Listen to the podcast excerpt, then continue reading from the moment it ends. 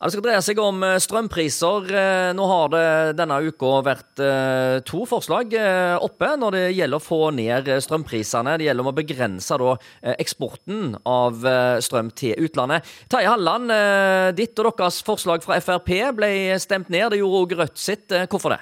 Det var tydelig at flertallet ikke så den utfordringen som, som jeg føler nå skylder over hele Sør-Norge, med veldig høye priser. og et eh, vær som gjør at eh, det er vanskelig å se at prisene skal gjennom at vi får bygd opp magasinfyllingene våre, skal bedre seg. Så vi hadde håpet på å fått inn et forslag om en bedre beredskap når magasinene våre er lave, når prisene våre er høye, for å kunne sikre oss at vi, er, vi har tilgang til strøm og eksport var jo en del av de eh, områdene som vi ønsker da å innføre begrensninger på når magasinfyllingene kommer ned på et visst nivå. Ja, Nå ser jeg en rapport fra NVE her, eh, hvor de forteller at fyllingsgraden ved utgangen av uke 15, de siste tallene de har her, eh, viser at det er bare er 22,7 fyllingsgrad. Eh, til sammenligning, gjennomsnittet for de siste ti årene er rundt 35% så fyllingsgraden er vesentlig lavere nå. Og jeg ser òg i tidligere nyhetsmeldinger pressemeldinger som de har lagt ut. Det fremstår nesten som om til og med NVE er litt skuffa over kraftprodusentene, som nå utnytter de høye prisene i Europa for å tappe ned vannmagasinene eh, for å tjene mest mulig penger. Det handler om eh, profitt. Eh, og dette da rammer jo da òg hele Sør-Norge, som opplever disse voldsomme strømprisene fordi vi blir dratt med i dette dragsuget. Hvorfor tillater regjeringen og Stortinget at dette skjer? Ja, nei, Det er dette som er så beklagelig, da, som jeg forsøkte å rette oppmerksomheten på. Eh, for, for nå, nå gjemmer veldig mange seg bak at det er høye gasspriser i Europa. Men mange vil jo si det at eh, situasjonen er ganske kritisk. Altså jeg tenker at eh, Næringslivet har store problemer i mange sektorer pga. høye strømpriser. Eh, private husholdninger sliter òg med vedvarende høye strømpriser. Den norske regjeringen den norske stat tjener mer penger enn noen gang i historien på disse høye prisene både på strøm og på gass. Hvorfor kan ikke regjeringen kutte moms og avgifter i en periode for å normalisere dette for det norske folk, og så kan en tjene gode penger på eksport eksporten hvis en vil det, men en må jo gjøre noe eh, i forhold til den belastningen som eh, en nå står overfor i forhold til norske folk. En har kommet i en situasjon som er helt spesiell. Eh, og det er, som du sier, veldig beklagelig at Norge, som er en av få nasjoner i Europa som opplever disse høye prisene, men som allikevel tjener masse penger i den samme situasjonen, og dermed har det hatt alle muligheter for å kompensere, både for forbrukeren og for næringslivet. Her kunne regjeringen gått inn, eh, eventuelt eh, fjerna både moms og, og, og, nettleie, eller vi kunne hatt en makspris der en sa at, eh, som Fremskrittspartiet har foreslått, vi betaler maks 50 øre.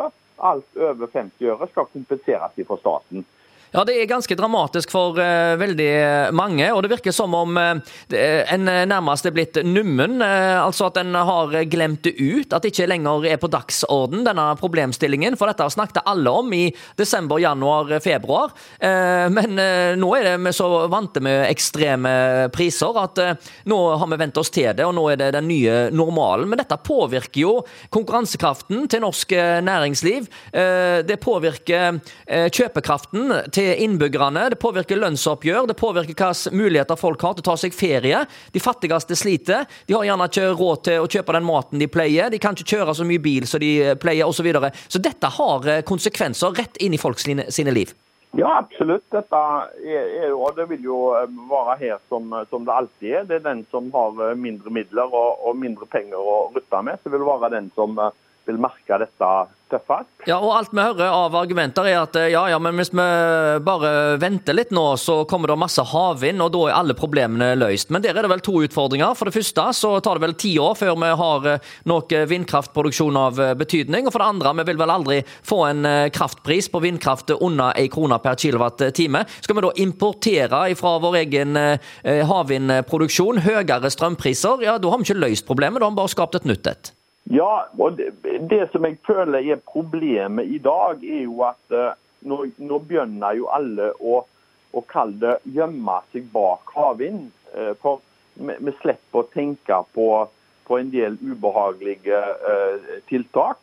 For at det er havvind som skal redde oss. Det er havvind som skal, skal ta den kraftproduksjonen som vi har behov for, for framover. Og, og som du sier, det går i alle fall ti år før vi får den krafta. Og når vi får krafta, så har vi altså en høyere pris på den produksjonen, eller hva vi er vant med.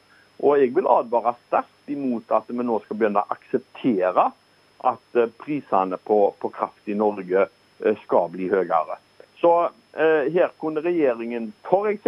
komme og sagt at eh, vi skal være pådrivere for at kraftselskapene nå moderniserer, renoverer det som går på eksisterende vannkraft. At vi skifter ut turbiner, skifter ut skovler. Klarer å lage et effektivt uh, vannkraftsystem i, i uh, produksjonen vår. Vi vet at der er det et stort potensial som, som ikke er utnytta. Det kunne gått over veldig kort tid. Uh, vi kunne òg gjort noe på, på Eh, på verna vassdrag, gitt muligheter til kraftselskapene å gått inn eh, og, og komme med forslag der det er skånsomt til å, å komme med utbygginger. Eh, dette er jo et forslag fra Fremskrittspartiet som er blitt nedstemt.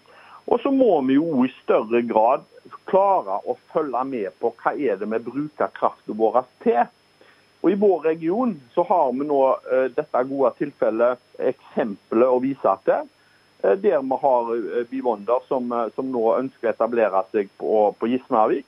Veldig viktig for oss at vi får kraft til dette området, for vi har altså ikke kraft der. Hvorfor har vi ikke kraft? Jo, nei, for den har Sverdrup tatt når, når, den ble elektrifisert. Vi har òg kommet med forslag om at vi må begrense elektrifiseringen av sokkelen, bare pga. at uh, uh, vi har ikke mer kraft enn at det kommer til å gå utover annen verdiskapning, annen etablering av arbeidsplasser på fastlandet. Men i en situasjon som dette, der det er begrensa, der vi har høye priser, så nekter òg altså regjeringen, og inkludert Høyre, å være med på å se på muligheten for å begrense denne bruken. Ja, Er du skuffa over at eh, det er nærmest handlingslammelse eh, i regjeringen? Altså at eh, når dere har konkrete forslag her, en ser helt tydelig at det er mulig å få gjort noe både på kort, mellomlang og lang sikt, men ingenting blir gjort. Det må være utrolig frustrerende?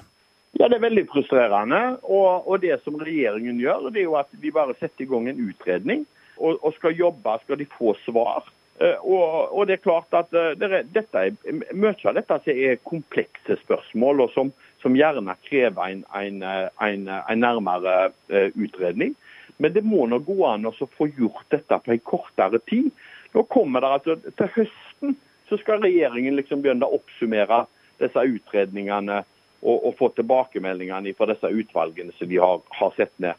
Og, og, Det er jo for seint. Vi, må jo, vi må jo se hva situasjonen som vi er i og står i akkurat i dag.